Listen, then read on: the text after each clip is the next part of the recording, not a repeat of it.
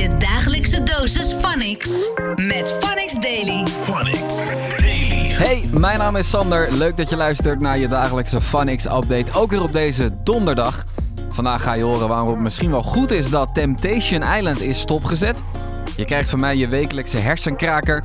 Je hoeft je echt geen zorgen meer te maken over kattige collega's. En weet jij hoe je een winterbay kan fixen? Dat ga je horen in deze Phonics Daily. Phonics Daily. De combinatie woensdag plus 7-Eleven plus Sander Bellekom betekent een raadsel. Gisteren had ik weer een raadsel in mijn show zitten in 7-Eleven. En ik ben wel benieuwd of jij dat raadsel ook op kan lossen. Wat verdwijnt er zodra je het uitspreekt? Dus wat verdwijnt er zodra je het uitspreekt? Aan het eind van deze podcast krijg je van mij het antwoord. Phonics Daily. Geen Temptation Island meer op je tv. Dat is natuurlijk wel even een nieuwtje. Het is game over voor reality-programma's die RTL Guilty Pleasure shows noemt. Eerder vertelde ik je natuurlijk al dat de Villa is gecanceld omdat er seksueel grensoverschrijdend gedrag in te zien is. Nu stoppen ze dus tijdelijk al dat soort programma's bij RTL. Dan moet je dus denken aan bijvoorbeeld Temptation Island en Love Island.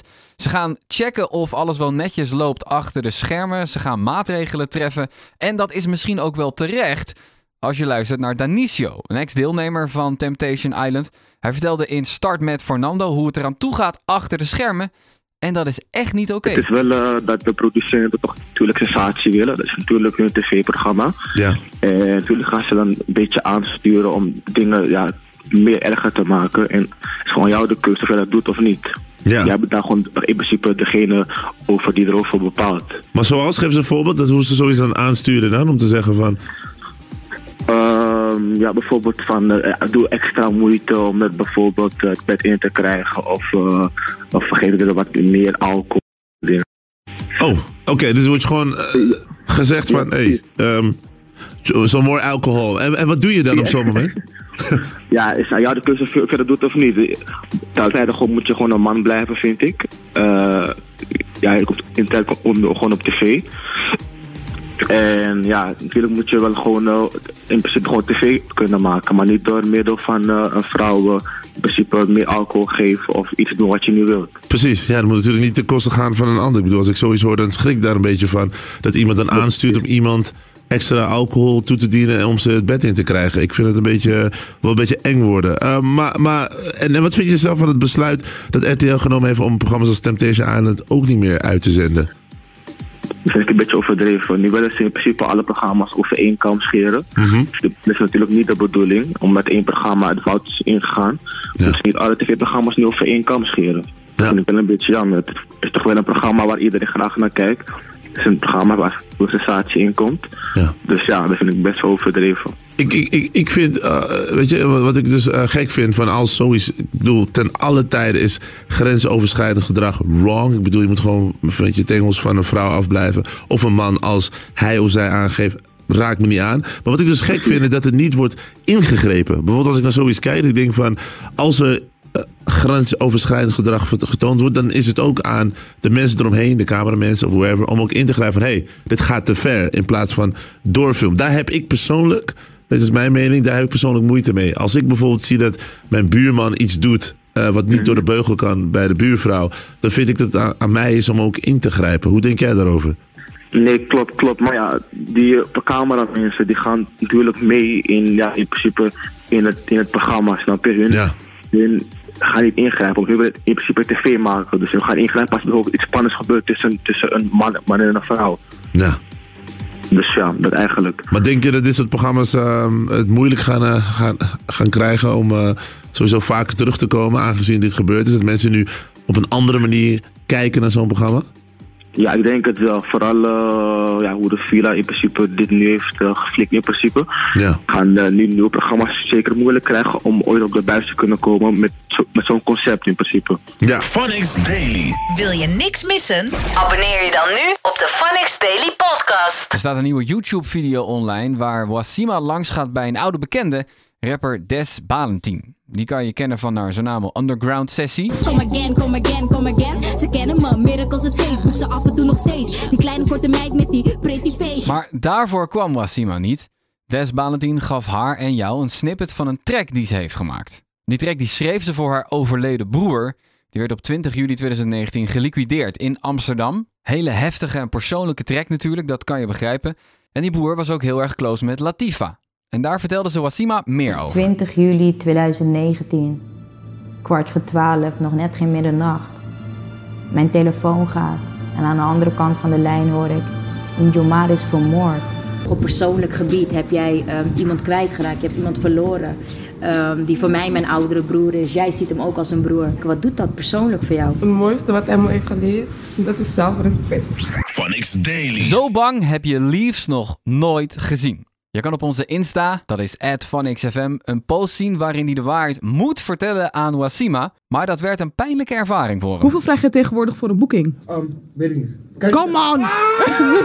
Come on!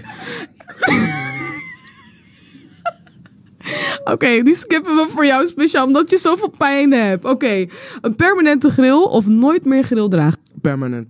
Met welke artiest zou je nooit willen samenwerken? Oh, je- wacht even, wacht even. Gooi nou een naam, liefs.